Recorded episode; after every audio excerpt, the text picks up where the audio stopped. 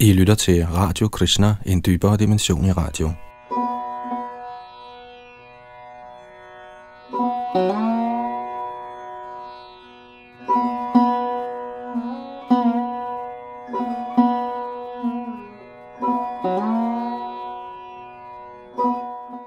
Så skal vi videre i vores gennemgang af Shrimad Bhagavatam, hvor vi er i gang med 11. bog, kapitel nummer 5, der hedder Narad afslutter sin undervisning til Vasudev, og sidste gang blev vi nødt til at afbryde midt i en kommentar til teksterne 38-40, hvor vi så fortsætter i dag. Vi kan lige gentage teksten. Den lyder som følger. Kære konge, mennesker i Satya Yuga og andre tidsalder ønsker ivrigt at fødes i denne tid, fordi der i denne tidsalder vil være mange hengivne af den højeste herre, Narayana. Disse hengivne vil vise sig på forskellige steder, men vil især være talrige i Sydindien. O mester over mennesker, i Kalis tidsalder vil de, som drikker vand fra Dravida Deshas hellige floder, såsom Tampraparani, Kritamala, Payasvini, den ovenud fra Mekaveri og Pratichi Mahanadi, næsten alle være renhjertet hengivne af guddommens højeste person, Vasudev. Bag teknik og mikrofon sidder Yadunandandas, og vi fortsætter i kommentaren til teksterne 38 og 40.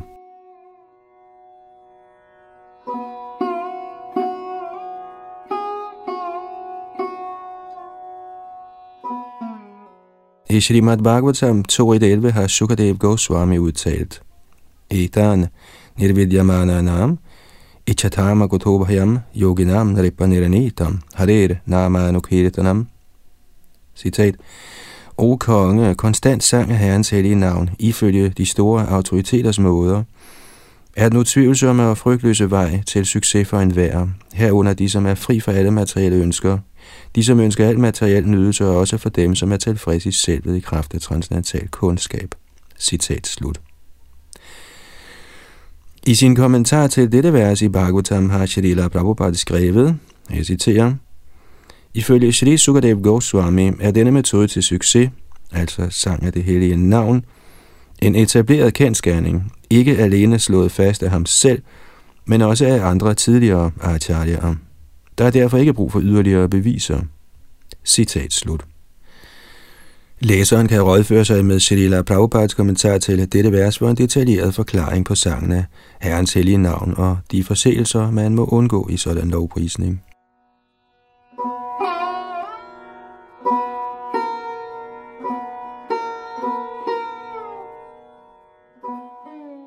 I Vaishnav Chintamani er der følgende udtalelse. Aghachit smaranang vishnur, bhavaya sena sadhyate, oshta spandana matrena, kirtanang dutatovram. Citat.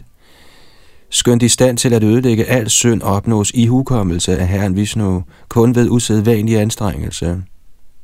På den anden side kan man udøve Krishna Kirtan ved blot at bevæge sine læber og således er den metode overlegen. Citat slut. Srila Jiva Goswami har også citeret det følgende vers. Jena janama shatai pura vang vasudeva samarachitaha tanamukhe harinamani sadatishtanti bharata. Citat. O efterkommer af Bharat, Herren Vishnus hellige navne genlyder altid fra munden på den, som tidligere perfekt har tilbedt Vasudev i hundredvis af liv. Citat slut. Samme idé bliver bibragt i Srimad Bhagavatam af Shrimad Devahudi i hendes udtalelse til sin søn, Kapil. Aho batasvapacho togariyan jajihvagre vartatinama tubhyam te pustapaste juhvu sasnurarya brahmanu churunamagrinanti yete. Citat. Og hvor glorværdige er de, hvis tunge synger dit hellige navn. Skønt født i familier, hvor der spises hunde, er sådanne personer tilbedelsesværdige. Mennesker, der synger dit hellige navn, må have overholdt alskens strenghed og ofre samt opnået alle ariernes gode manier. For at kunne synge dit navn, må de have taget bad på hellige pilgrimssteder, studeret vedderne og opfyldt enhver pågrebet betingelse. Citat slut. Bhagavatam 3, 33, 7. Derfor har Srila Jiva Goswami konkluderet, at det er muligt at udøve kirtan i samme grad i alle tidsaldre. I Kali tilskynder guddommens højeste person ved sin ubegrundede barmhjertighed imidlertid personligt de levende væsener til at tage det hellige navn til sig. Bhaktivinoda Thakur har således citeret herren som følger. Enechi Oshad Himaya Nashi Bari Lagi Horinam Moha Mandro Laudumi Magi der betyder O I betingede sjæle, der tåbeligt sover på skødet af heksen Maya. Jeg har bragt en fortræffelig medicin til at kurere sygdommen med jeres illusion. Denne medicin kaldes Hodinarm. Den er mit hellige navn, og ved at tage denne medicin, vil I opnå al fuldendelse i livet. Jeg beder jer derfor indtrængende om venligst at tage denne medicin, som jeg personligt har bragt med til jer.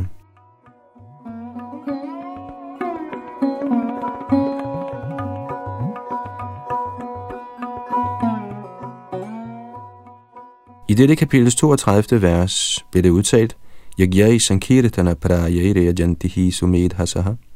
Ifølge Srila Jiva Goswami indikerer ordene Sankirtana Prayai, der betyder hovedsageligt gennem metoden af Sankirtan, at skønt andre metoder, såsom tilbedelse af gudeskikkelsen, i nogen grad kan følges i Kali skal sådanne metoder, for at være virkningsfulde, positivt forbindes med sangen af Herrens hellige navn. Den, som tilbeder Krishnas gudeskikkelse, skal vide, at den mest afgørende del af sådan tilbedelse er konstant lovprisning af Herrens hellige navne. Modsat behøver den, som på fuldendt vis har sunget Herrens hellige navn, ikke at forlade sig på andre metoder, som forklaret i det følgende berømte mantra. Hare Nam, Hare Nam, Hare Nam Eva Gevalam, Galau Nastjeva Nastjeva Nastjeva Gatiranyatha. Citat, i denne kolde alder er der intet alternativ, intet alternativ, intet alternativ til åndelige fremskridt, end det hellige navn, det hellige navn, Herrens hellige navn. Citat slut. Brihan Naradiya Purana 38, 126. Som slået fast gennem alle disse beviser, er Bhagavatams udtalelse Galing Sabhadjayan Dhyarya om, at åndeligt avancerede personer tilbeder kolde alderen, grundet de muligheder, Herren tilbyder i denne tidsalder, slet ikke modseende.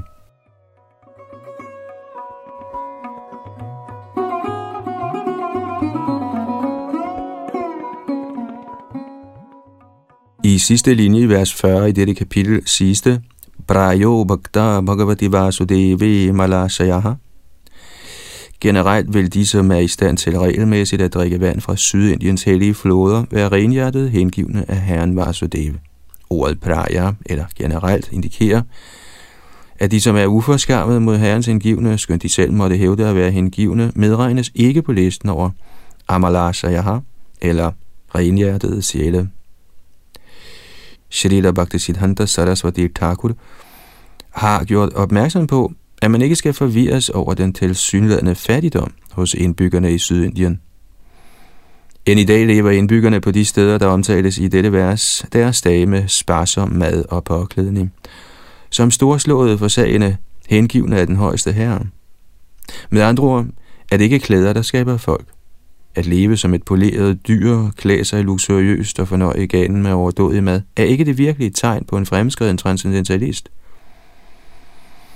Skøn Sydindiens indbyggere som regel er Shri Vaishnavara, eller hengivne i Lakshmi Sampradayaen, påskynder Chaitanya Mahaprabhus tilhænger dem som herrens indgivne. Efter Shrita Bhaktisiddhanta Sarasvati Thakurs mening, skal deres strenge levevilkår betragtes som en god kvalifikation, ikke en diskvalifikation.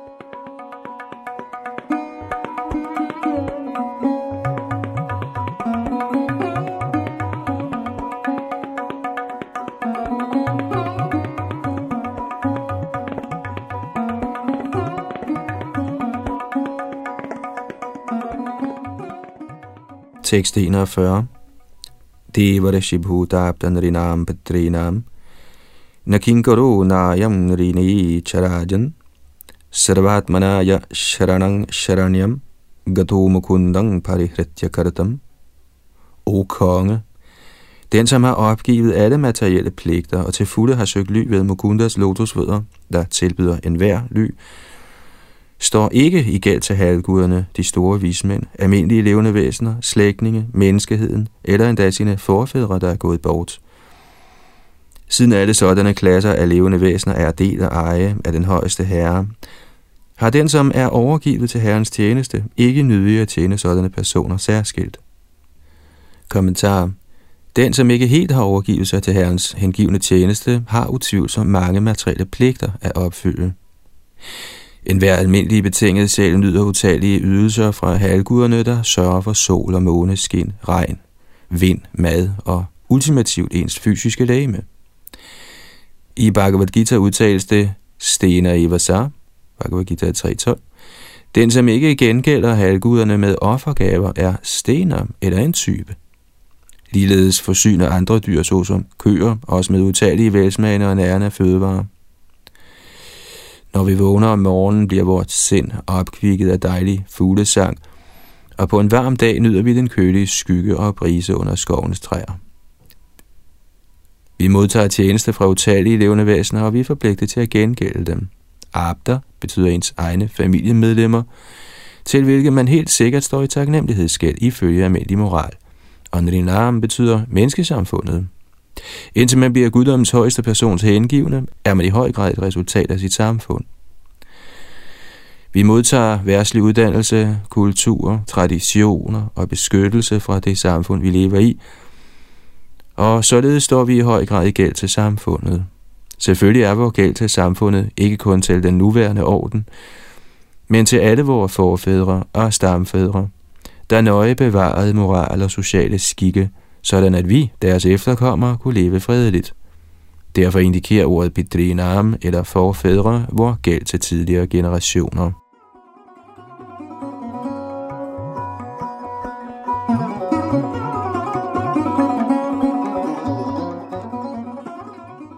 Faktisk bliver medlemmerne i det kristnebevidste samfund under tiden kritiseret af materialistiske mennesker for at give Krishna for meget opmærksomhed, snarere end at arbejde for at opfylde de ovennævnte forpligtelser.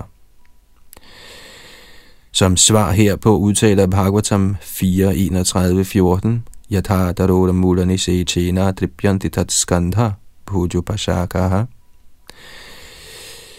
Hvis man vander roden på et træ, bliver alle grenene, kvistene, bladene osv. også næret. Der er intet behov for eller resultat i særskilt at vande træets grene, kviste og blade. Man må vande roden. Ligeledes prano baharat chayatendriyanam skal mad kommes i maven, hvorfra den automatisk fordeles til alle kroppens dele. Det er tåbeligt at forsøge at nære hele kroppen ved at indgnide lemmerne med mad hver for sig. Ligeledes er guddoms højeste person, Krishna, kilden til al eksistens. Alt udstråler fra Krishna, alt opretholdes af Krishna, og til sidst vil alt sammensmelte og gå til hvile i Krishna. Guddoms højeste person, Krishna, er alle levende væseners højeste velgører, ven, beskytter og velønder. Og er han tilfreds, vil hele verden automatisk være tilfreds, ligesom alle kroppens dele bliver styrket og tilfredsstillet, når mad på behørig vis bliver henvist til maven. Det eksempel kan gives, at en mand, der tjener som personlig sekretær for en stor konge, ej længere har nogen forpligtelse over for lavere og underordnede konger. Et almindeligt menneske har utvivlsomt mange forpligtelser i denne materielle verden. Men ifølge Bhagavad Gita, Mayaiva Vihitan Hitan, er det i virkeligheden den højeste herre, der giver alle velsignelser.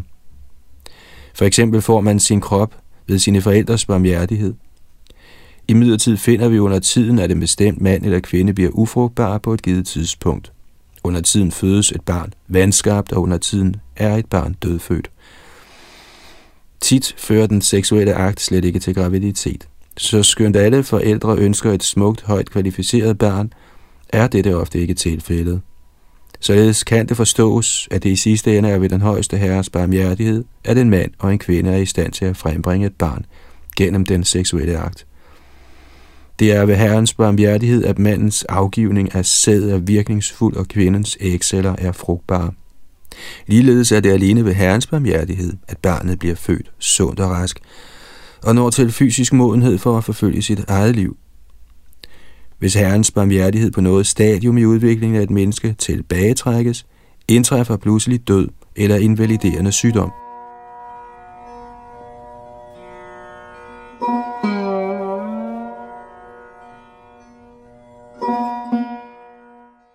Halvguderne er heller ikke uafhængige. Ordene parihritya karatam, at opgive andre pligter, peger på, at man skal opgive enhver idé om, at halvguderne er adskilt fra Krishna. Det udtales klart i vediske litteratur, at halvguderne er forskellige lemmer på den højeste herres kosmiske lægeme.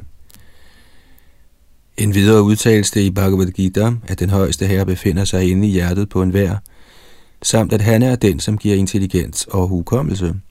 Således handlede vores forfædre, der omhyggeligt bevarede kulturelle traditioner, med intelligens givet af den højeste herre.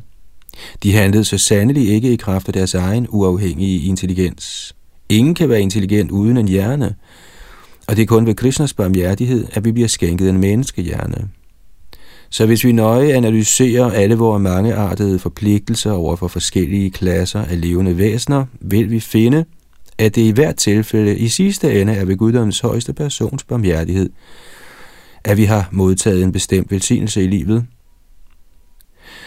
Så skønt et almindeligt menneske metodisk må opfylde alle sine forskellige forpligtelser gennem forskellige typer af ofre og godgørende aktiviteter for at tilfredsstille dem, han har nyt godt af, opfylder den, som direkte tjener guddoms højeste person Krishna med det samme alle sådanne forpligtelser, fordi alle velsignelser i sidste ende er kommet fra Herren gennem familien, forfædrene, halvguderne osv.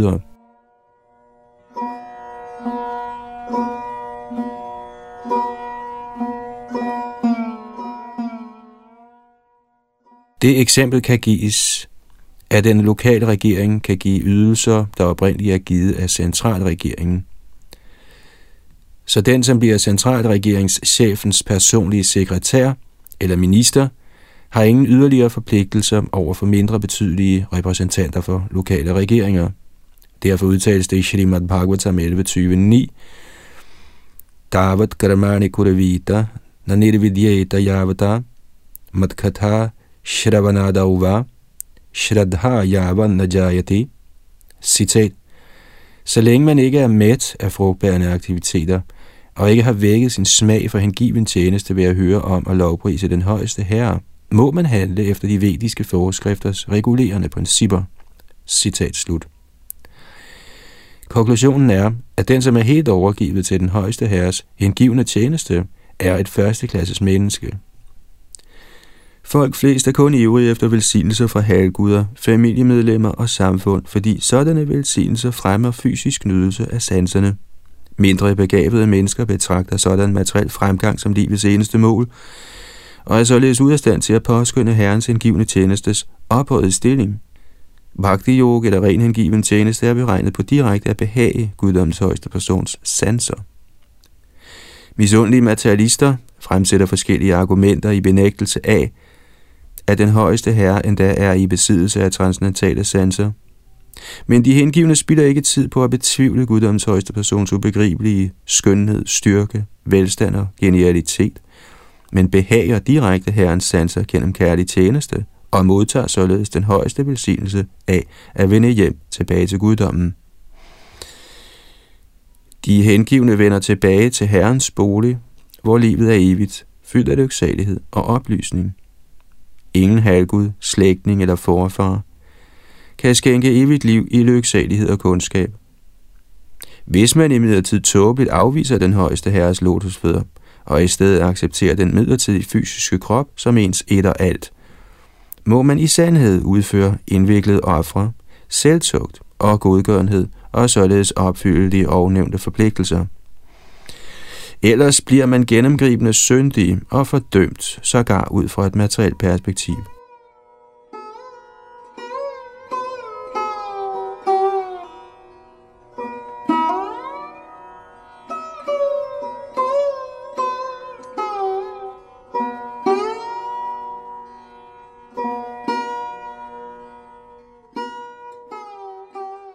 Tekst 42. Den, som således har opgivet alle andre former for beskæftigelse, og til fulde har søgt ly ved Haris, guddommens højeste persons lotusfødder, er Herren meget kær. Ja, hvis en sådan overgivet sjæl ved et uheld begår en eller anden syndig handling, fjerner guddommens højeste person, der befinder sig i hjertet på enhver, straks reaktionerne på sådan synd. Kommentar i forrige vers blev det klart beskrevet, at den helt overgiven hengiven af den højeste herre ikke har nødig at passe almindelige værtslige pligter. Nu i det pågældende vers afsløres det, at hengiven tjeneste er så ren og virkningsfuld, at den overgiven hengiven af Herren ikke har brug for at følge nogen andre renselsesmetoder. Som beskrevet i Srimad Bhagavatams 6. bog, har en tro hengiven ikke nødig at udføre prayaschitta eller soning for tilfældige henfald til syndig handling. Siden hengiven tjeneste i sig selv er den mest rensende metode, skal den oprigtige hengiven, der ved et uheld er snublet på vejen, straks genoptage sin rene hengivne tjeneste ved Herrens lotusfødder, og således vil Herren beskytte ham, som udtalt i Bhagavad Gita 9.30.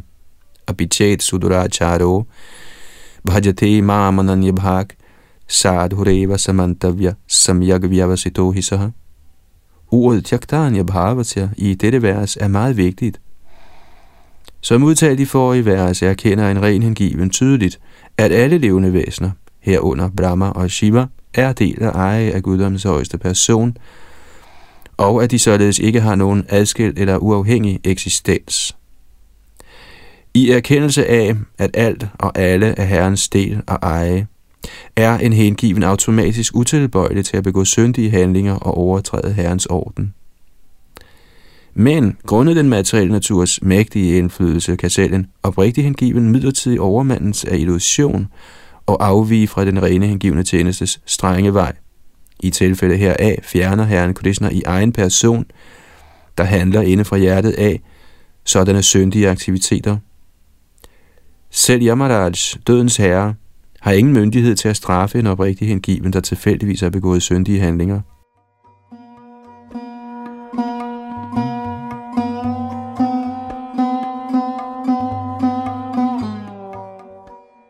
Som udtalt her er Krishna Paresh, eller den højeste herre, og ingen sekundære herre, såsom halvguderne, kan true herrens egne hengivne. I sin ungdom var Ajamil en from brahmin, optaget af herrens tjeneste. Senere blev han ved omgang med en prostitueret praktisk talt til verdens laveste menneske. Ved slutningen af hans liv sendte Yamaraj sine Yamadutar til ham, for at de kunne føre Ajamils syndige sjæl væk. Men guddoms person sendte straks sine personlige omgangsfælder ud for at redde Ajamil og vise Yamaraj, at ingen sekundær person kan forstyrre guddommens højeste persons egne hengivne. Som udtalt i Bhagavad Gita, Kaunteya Pratijanihi Name Bhakta Pranashati, Bhagavad Gita 9.31.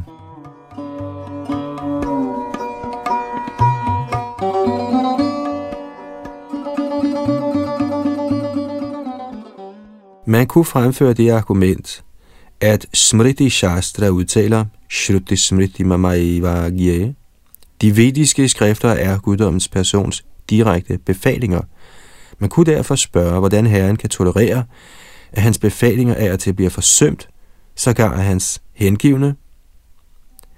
For at besvare denne mulige indvinding bliver ordet priyasya brugt i dette vers. Herren holder ovenud meget af sine hengivne. Selvom et elsket barn ved et tilfælde begår en stor dumhed, tilgiver faren barnet i betragtning af, at barnets intentioner egentlig er gode. Således, skønt herrens indgivende ikke forsøger at udnytte herrens nåde ved at bede herren om at befri ham fra al fremtidig elendighed, fritager herren på eget initiativ den hengivne for reaktionerne på uheldige fald. Denne herrens ubegrundede nåde mod sine hengivne er hans Paramaishvaryam, eller uovertrufne overdådighed. Gradvist bliver den trofaste hengivne fri, endda for tilfældige fald, fordi ved blot at huske Herrens lotusfødder, for ikke at tale om aktiv tjeneste, bliver hans hjerte renset. Skønt guddommens persons overgivende tilhængere til tider kan synes påvirket af værtslige holdninger, bliver de uværligt beskyttet af den nådige herre, og bliver aldrig egentlig overvundet i livet.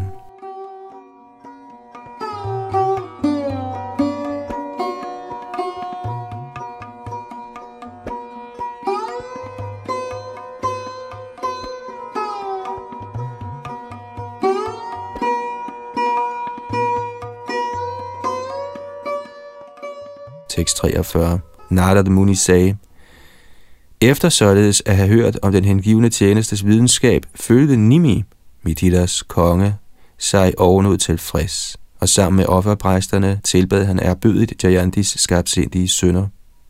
Kommentar Ordet Jayan til Jayan tilkendegiver de Yogendra'er, der blev født fra Jayantis moderliv. Jayanti var hustru til Rishabdev.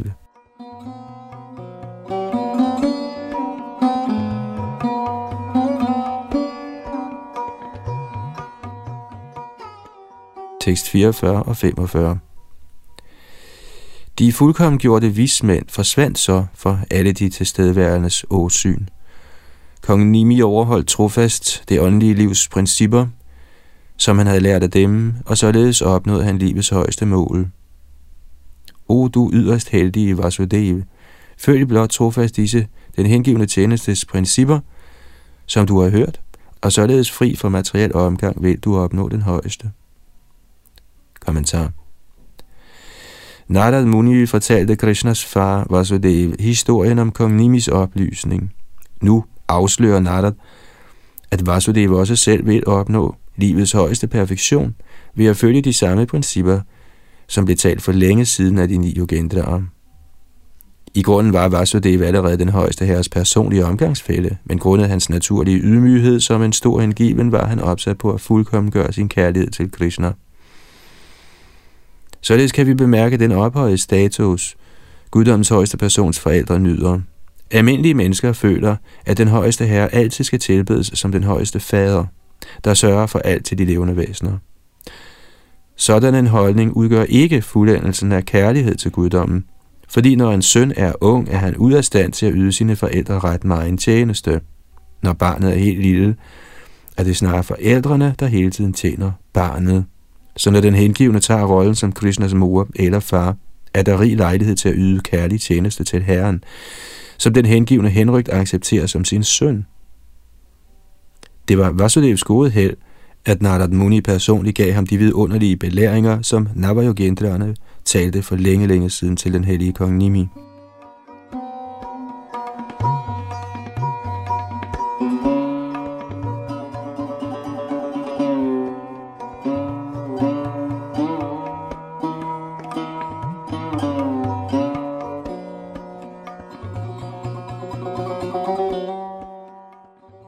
Tekst 46.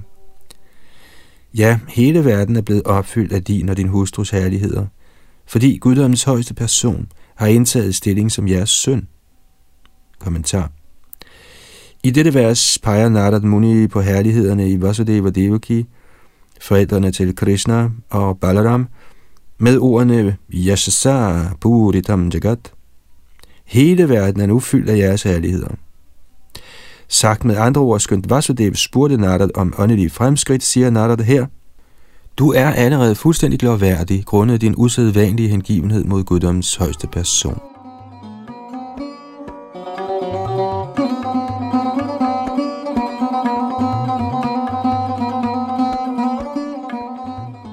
Tekst 47 Kære Vasudev, du og din hustru Devaki har udvist stor transcendental kærlighed til Krishna, i det I har accepteret ham som jeres søn. Ja, I ser altid Herren, omfavner ham, taler med ham, sover med ham, sidder ned sammen med ham og spiser med ham. Ved sådan øm og fortrolig omgang med Herren har I begge uden tvivl renset jeres hjerter fuldstændigt. Med andre ord er I allerede perfekte. Kommentar. Ordene Atma og Varma Parvitaha i dette vers er meget betydningsfulde. Almindelige betingede sjæle må rense deres tilværelse gennem bhakti yogans regulerende principper og må lære, hvordan de retter alle deres handlinger mod Herrens indgivende tjeneste. En sådan reguleret gradvis proces er imidlertid ikke anvendelig på de ophøjede sjæle, der personligt opvarter Herren som hans forældre, venner, kærester, rådgivere, sønner osv. På grund af Vasudeva Devakis intense kærlighed til Krishna som deres søn, havde de allerede opnået livets højeste fuldendelse. Skønt Shri Narada i forrige vers informerede Vasudev, at han og hans hustru var blevet glorværdige ved, at Krishna havde lavet sig føde som deres søn, kunne Vasudev have indvendt, at andre af herrens egne fælder, såsom Jay og Vijay, var faldet ned på grund af forseelser mod Brahmin-klassen. Derfor har Narad i det pågældende vers brugt ordet pavita. Du er helt renset, og derfor grundet din intense kærlighed til Krishna er du fuldstændig fri for et hvert spor af uoverensstemmelser i din hengivne tjeneste.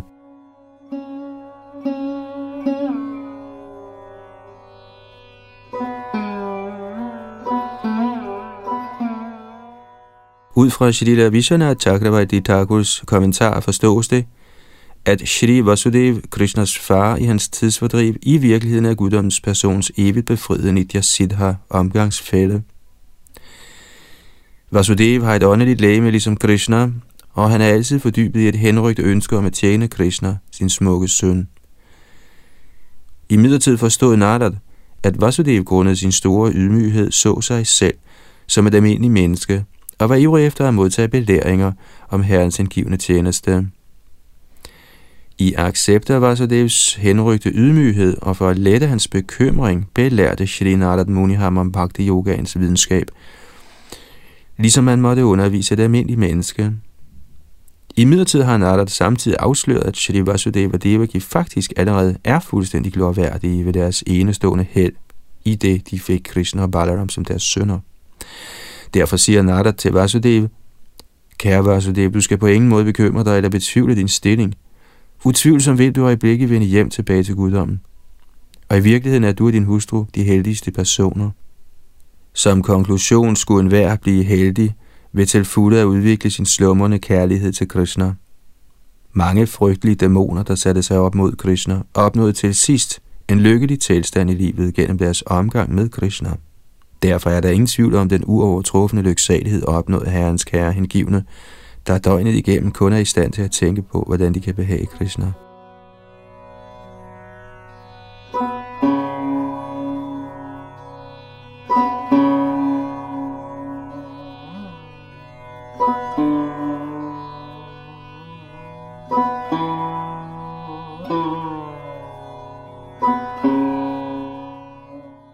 Tekst 48 Fjendtlige konger, såsom Shishupal, Poundrak og Shalva tænkte altid på Herren Krishna.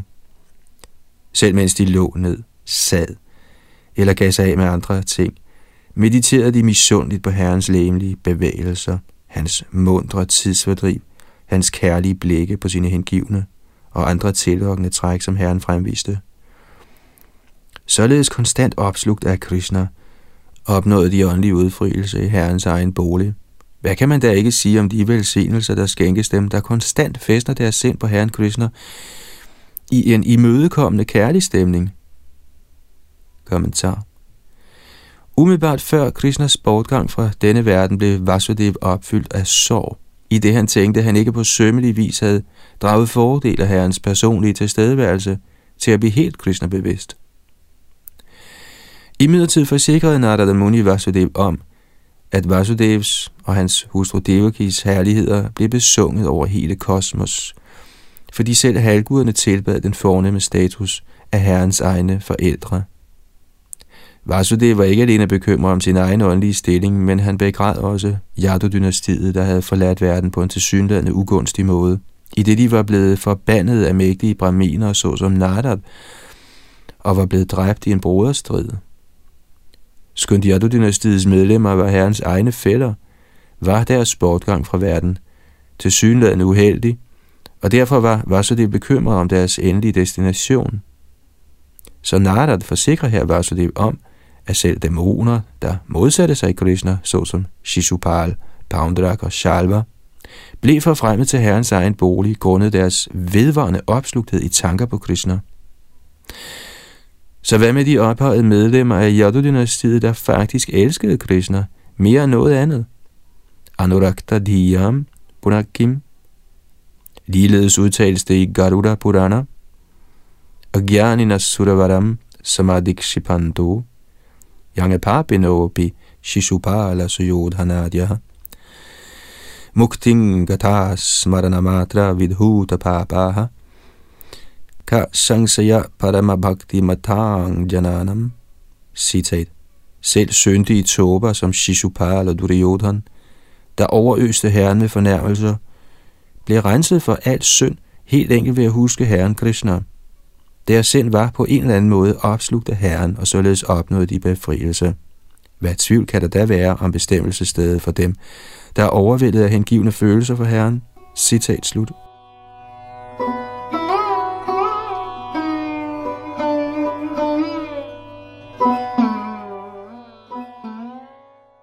Vasudeva var også bekymret, fordi han på den ene side var klar over, at Krishna er guddommens højeste person, men samtidig behandlede han Herren som sin elskede søn.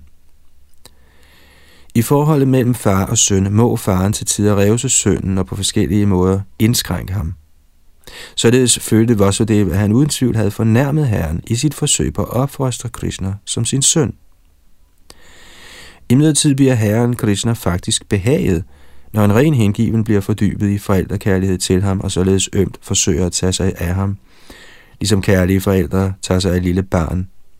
Krishna gengælder de intense følelser fra sådanne hengivne ved faktisk at vise sig for dem som en ung dreng og handle nøjagtigt som deres søn.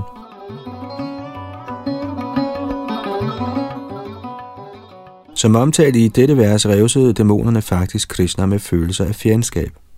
Ikke desto mindre opnåede disse dæmoner befrielse grundet deres fordybelse i Krishna. Så hvad med bestemmelsesstedet for Vasudev, der revsede Krishna på grund af sin overvældende forældrekærlighed til ham? Konklusionen er, at de hengivne aldrig må opfatte Vasudev og Devaki som almindelige betingede sjæle. Deres forhold til Herren Krishna er helt på den transcendentale platform af Vatsalya Ras, eller forældrekærlighed til guddommens person. Den har intet at gøre med den fysiske verdens forældrekærlighed, der baserer sig på en idé om sanse tilfredsstillelse, siden forældrene ser deres børn som genstande for materiel nydelse.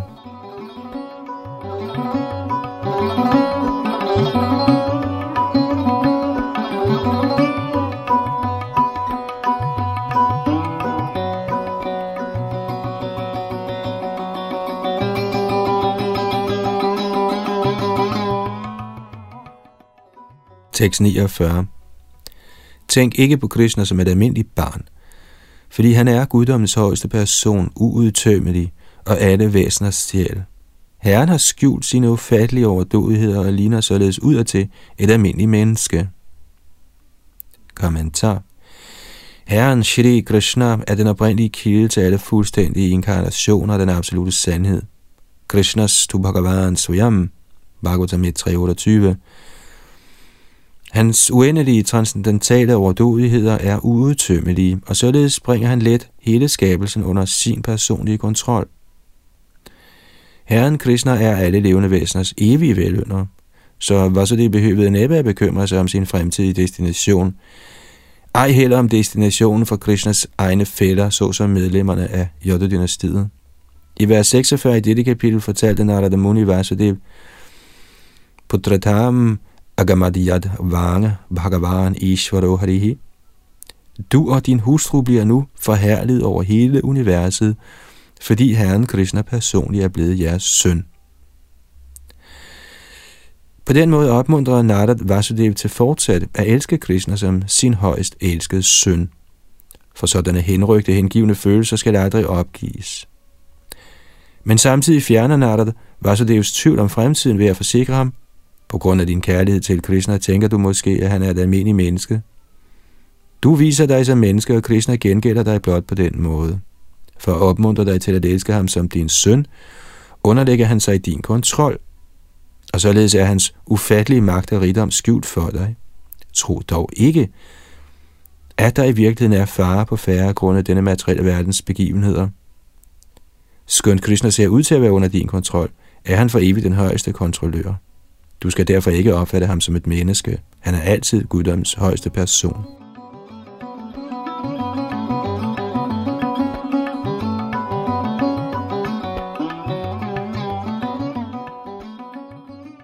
Ordet Maya i dette vers peger på, at Krishnas manushya, eller menneskelignende aktiviteter, i grunden er vildledende for det almindelige menneske, fordi Krishna er guddommens højeste person. Maya betyder også transcendentale energier. Som udtalt i Bhagavad Gita 6.4, Sambhavamyatma Maya, nedstiger Herren i sin egen transcendentale skikkelse, der er fuld af transcendentale energier. Og således indikerer ordene Maya Manushabhavina her også Krishnas originale transcendentale form, der minder om de menneskeformer, man oplever i denne verden. Ifølge sanskrit ordbogen betyder Maya også barmhjertighed eller medfølelse. Og således forstås Herrens inkarnation som hans ubegrundede barmhjertighed mod de betingede sjæle. Herrens komme er også hans ubegrundede nåde mod de befriede sjæle, der finder uendelig glæde i at slutte sig til Herrens tidsfordriv og lovpriser og høre sådanne ophøjede åndelige aktiviteter. Shravanang Kirtanang Vishnu, Bhagavatam 7523.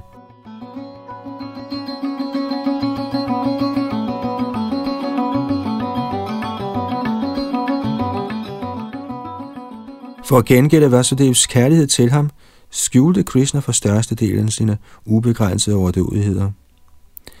På den måde bliver den hengivne fuldstændig opmuntret i sit bestemte kærlige forhold til Herren.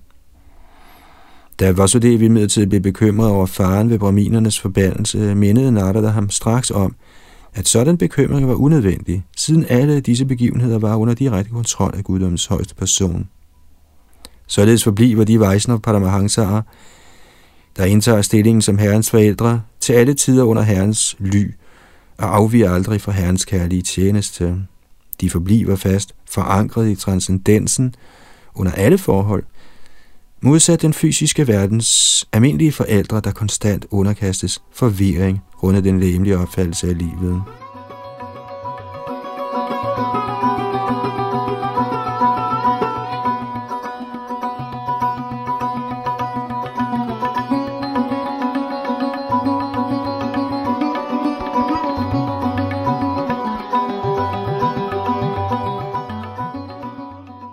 Tekst 50 Guddoms højeste person nedsteg for at dræbe de dæmoniske konger, der var jordens byrde, og for at beskytte de hellige hengivne. I midlertid bliver både dæmonerne og de hengivne skænket befrielse ved Herrens barmhjertighed. Således er hans transcendentale berømmelse blevet udbredt over universet. Kommentar der måtte opstå nogen tvivl om, hvordan guddommens højeste person nedstiger til denne materielle verden og siden han er den almægtige skaber af millioner af universer, hvorfor lovpriser og beundrer de hengivne sådanne aktiviteter, som at dræbe en heks, der hedder Putana, ved at suge hendes liv ud gennem hendes bryst. Skønt sådanne gerninger helt sikkert er hinsides rækkevidden af almindelige mennesker. Hvorfor skulle de betragtes som vidunderlige, når de udføres af guddommens almægtige person? Svaret gives i dette vers med ordet Nettevertjai. Herren dræbte dæmonerne, ikke fordi han var misundelig på dem, men for at give dem åndelig befrielse. Således adskiller guddommens persons ubegrundede barmhjertighed ham klart fra noget andet levende væsen, det være sig menneske eller halvgud. I det herren ved sine ufattelige tidsfordriv giver både de hengivne og dæmonerne befrielse. Det udtales Mukti Pradada Sarveshang Vishnu Devana Sangsayaha. Kun Vishnu kan give befrielse hinsides fødsel og død. Sri Vishana Chakravarti Thakur har påpeget, at dæmonerne i almindelighed bliver skænket upersonlig befrielse i Brahman-udstråling, hvorimod de hengivne gives den højere velsignelse af kærlighed til guddommen på de åndelige planeter. Herren udviser således sin ubegrundede barmhjertighed mod alle klasser af levende væsener, og hans navnkundighed er udbredt over hele universet. Fordi Krishna er transcendental, er hans navnkundighed ikke forskellig fra hans personlige inkarnation så som Herrens berømmelse breder sig, bliver hele universet gradvist udfriet. Disse er nogle af guddoms højeste persons unikke særpræg.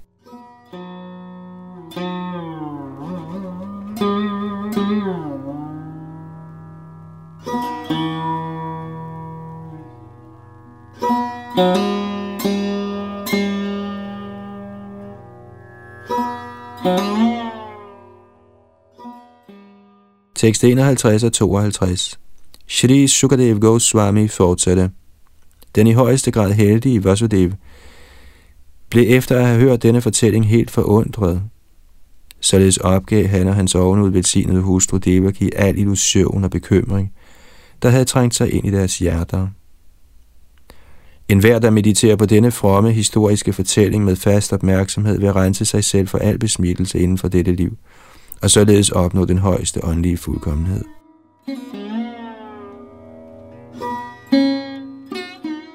Således ender kommentarerne fra hans guddommelige nåde A.C. Bhaktivedanta Swami Prabhupads ydmyge tjenere til Srimad Bhagavatams 11. bogs 5. kapitel med titlen Narad afslutter sin undervisning til Vasudeva.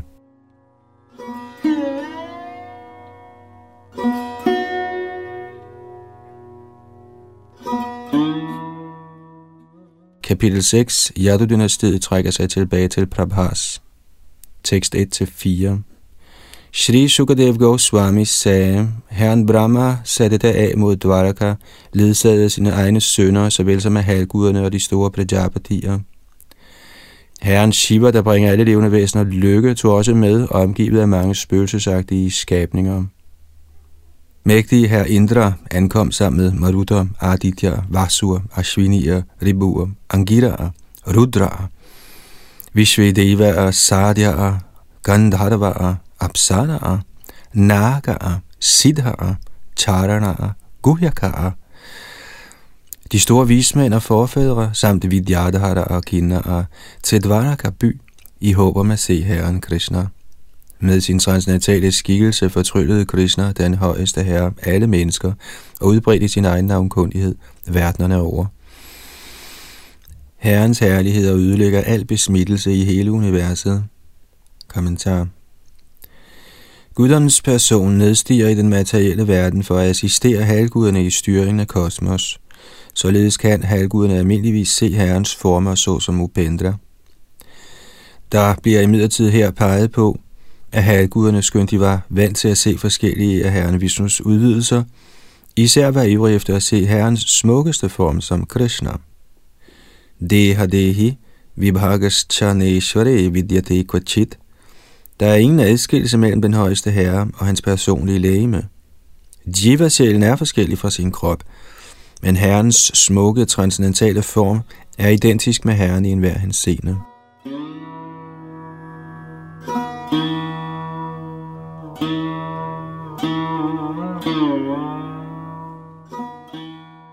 Tekst 5-7 I den strålende by Dvaraka, rig på alle fremragende overdådigheder, betragtede halvguderne med aldrig mætte øjne Shri Krishnas vidunderlige skikkelse. Halvguderne dækkede den højeste herre over universet med blomstergrænse bragt fra himlens haver. Så lovpriste de ham, Yadu-dynastiets forreste, med udtalelse, der rummede charmerende ord og tanker.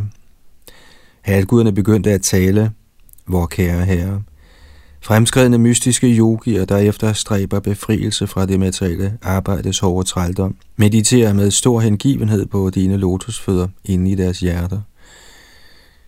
Helligen af dig, intelligens, sanser, vital luft, sind og talekraft, bøjer vi halvguder os ned for dine fødder. Kommentar Ifølge Shrila Shridhar Swami peger ordet sma i dette vers på vismaya, overraskelse. Halvguderne var overrasket over, at skønt store mystiske yogier kun er i stand til at påtænke herrens lotusfødder inde i deres hjerter, var halvguderne, der ankom i Dvaraka by, i stand til at se hele guddommens højste persons læme. Derfor faldt de mægtige halvguder ned som stave foran herren. Sådan fuld af bødighed kaldet Dandavat som en stave bliver beskrevet som følger. Dorbhyang padabhyang janubhyang urasha shirasha drasha manasa vachasa cheti pranamo shtanga irita. Citat. Den er bødighed, der vises med otte lemmer, udføres med de to arme, de to ben, de to knæ, brystet, hovedet, øjnene, sindet og talen. Citat slut. Den materielle naturs strømme er meget stærke, og man må derfor holde hårdt fast i herrens lotusfødder. Ellers vil sansenydelsens og den mentale spekulations bølger utvivlsomt skylle en væk fra ens evige naturlige position som den højeste herres kærlige tjener, og man vil da falde ned i den strenge trældom, der her bliver beskrevet som Udupashat, et yderst effektivt netværk af illusioner.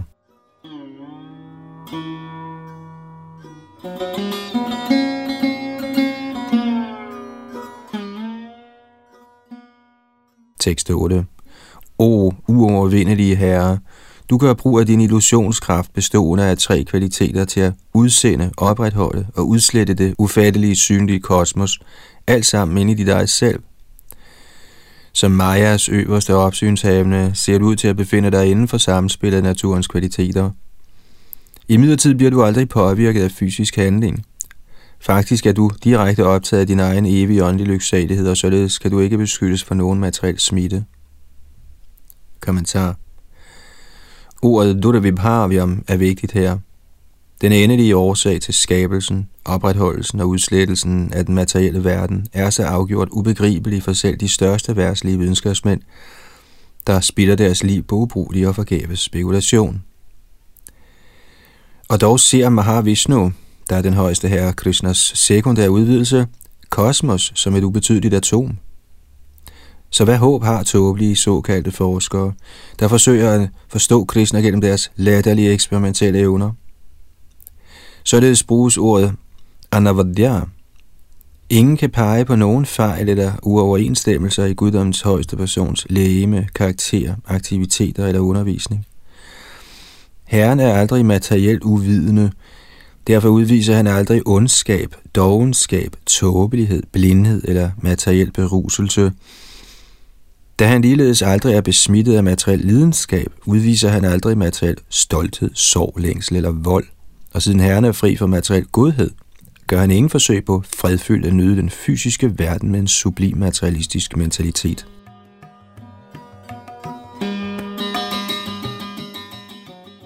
Herren Krishna er, som udtalt her, Svisuke Vyavahite Bhirata, for evigt optaget dag og nat i sin transcendentale bolig, hvor han nyder sine utallige omgangsfælders utallige kærlige hengivelse.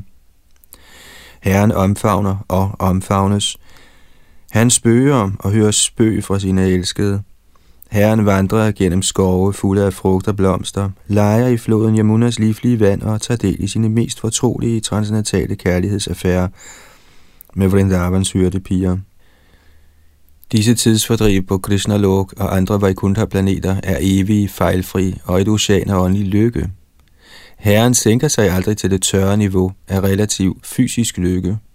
Guddommens uendelige person har intet at vinde fra nogen. Således kan frugtbærende aktivitet umuligt eksistere inde i Herren.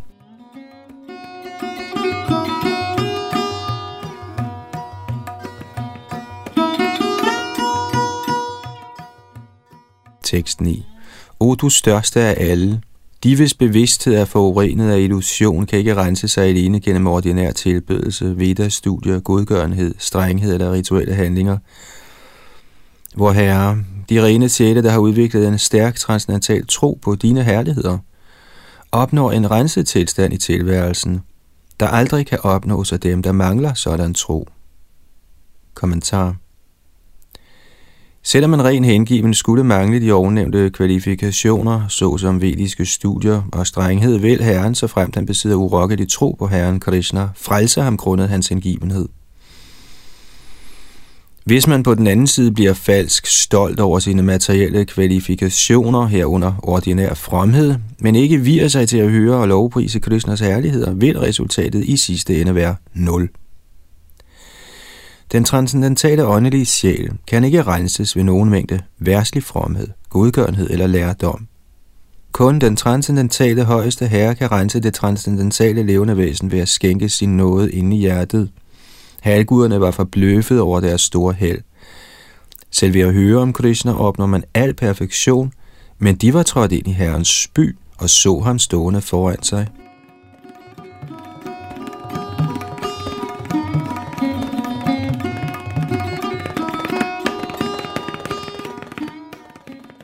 Tekst 10 Store vismænd, der ønsker livets højeste gåde, plejer altid dine lotusfødder ind i deres hjerter – der er smeltet af kærlighed til dig. Dine selvbeherskede hengivne, der ønsker at krydse hinsides det materielle himmerige for at opnå rigdom på højde med din egen, tilbyder ligeledes dine lotusfødder morgen, middag og aften. Således mediterer de på din excellence i din firefold udvidelse. Dine lotusfødder er ligesom en flammende ild, der nedbrænder alle ugunstige ønsker om materiel sansenydelse. Kommentar det betingede levende væsen kan rense sin tilværelse helt enkelt gennem fast tro på guddommens persons herligheder.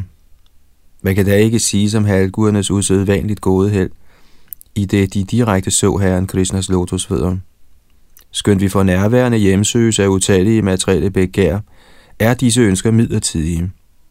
Det evige levende væsen er tiltænkt at erfare et kærligt forhold til det højeste levende væsen, guddommens person. Og ved at yde Herren ren hengiven tjeneste, bliver det levende væsens hjerte helt tilfreds.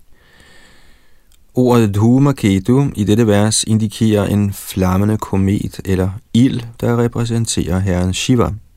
Herren Shiva er mester over uvidenhedens kvalitet, og Herren Krishnas lotusfødder sammenlignes med kometen, et symbol på Herren Shivas kraft, der kan ødelægge al uvidenhed inde i hjertet. Ordet Samavibhudaye, eller for at opnå samme rigdom, peger på, at de rene hengivne vender tilbage hjem til guddommen og nyder den åndelige verdens uendelige lyksalighed. Herren Krishna er begavet med ubegrænset overdådigt udstyr til fornøjelse, og en befriet sjæl, der vender hjem til Krishnas bolig, skænkes al rigdom til Herrens tjeneste. Ifølge Shrita Bhaktisiddhanta Sarasvati Thakur peger ordet Vyuhe i dette vers på de tre Purus inkarnationer, nemlig Mahavishnu, Garbhodakshai Vishnu og Kshirodakshai Vishnu, såvel som Vasudeva. Hvis vi på videnskabelig vis kan forstå, hvordan Krishna udvider sig til skabelsen af den materielle verden, erfarer vi øjeblikkeligt, at alting er Krishnas ejendom, og bliver således fri for ønsket om at udnytte den til vores egne selviske formål. Krishna er den højeste herre, en værs mester og reservoir for alle rigdomme, og man må huske hans lotusfødder morgen, middag og aften. Den, som altid husker Krishna og aldrig glemmer ham, vil opleve virkelig et lyksaligt liv hinsides den materielle illusions blege skygge.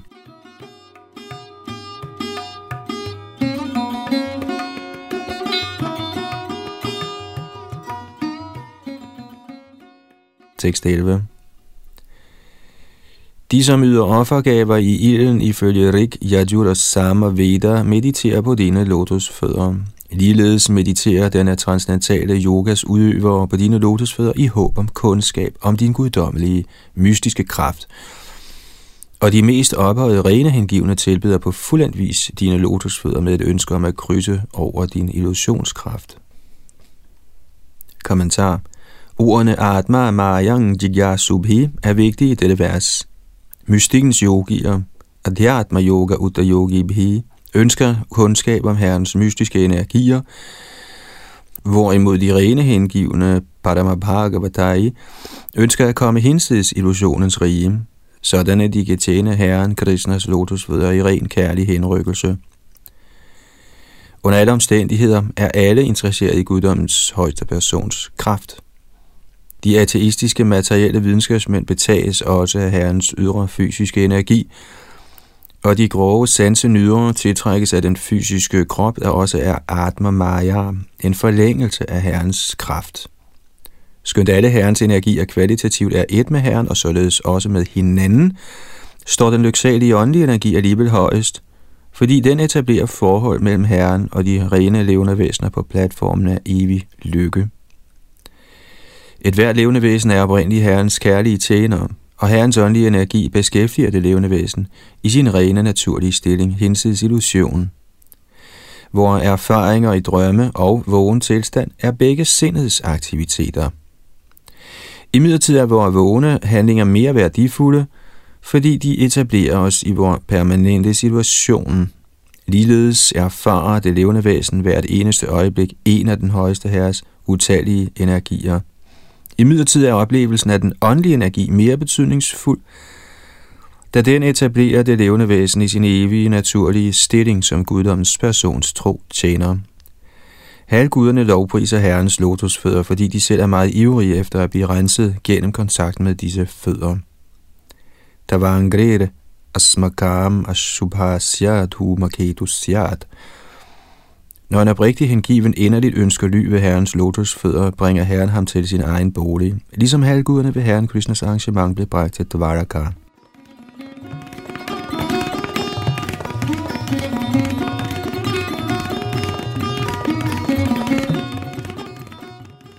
Her stopper vi dagens oplæsning fra Srimad Bhagavatam. Næste gang er det tekst 12, her i 11. bogs 6. kapitel. Yadu-dynastiet trækker sig tilbage til Prabhas.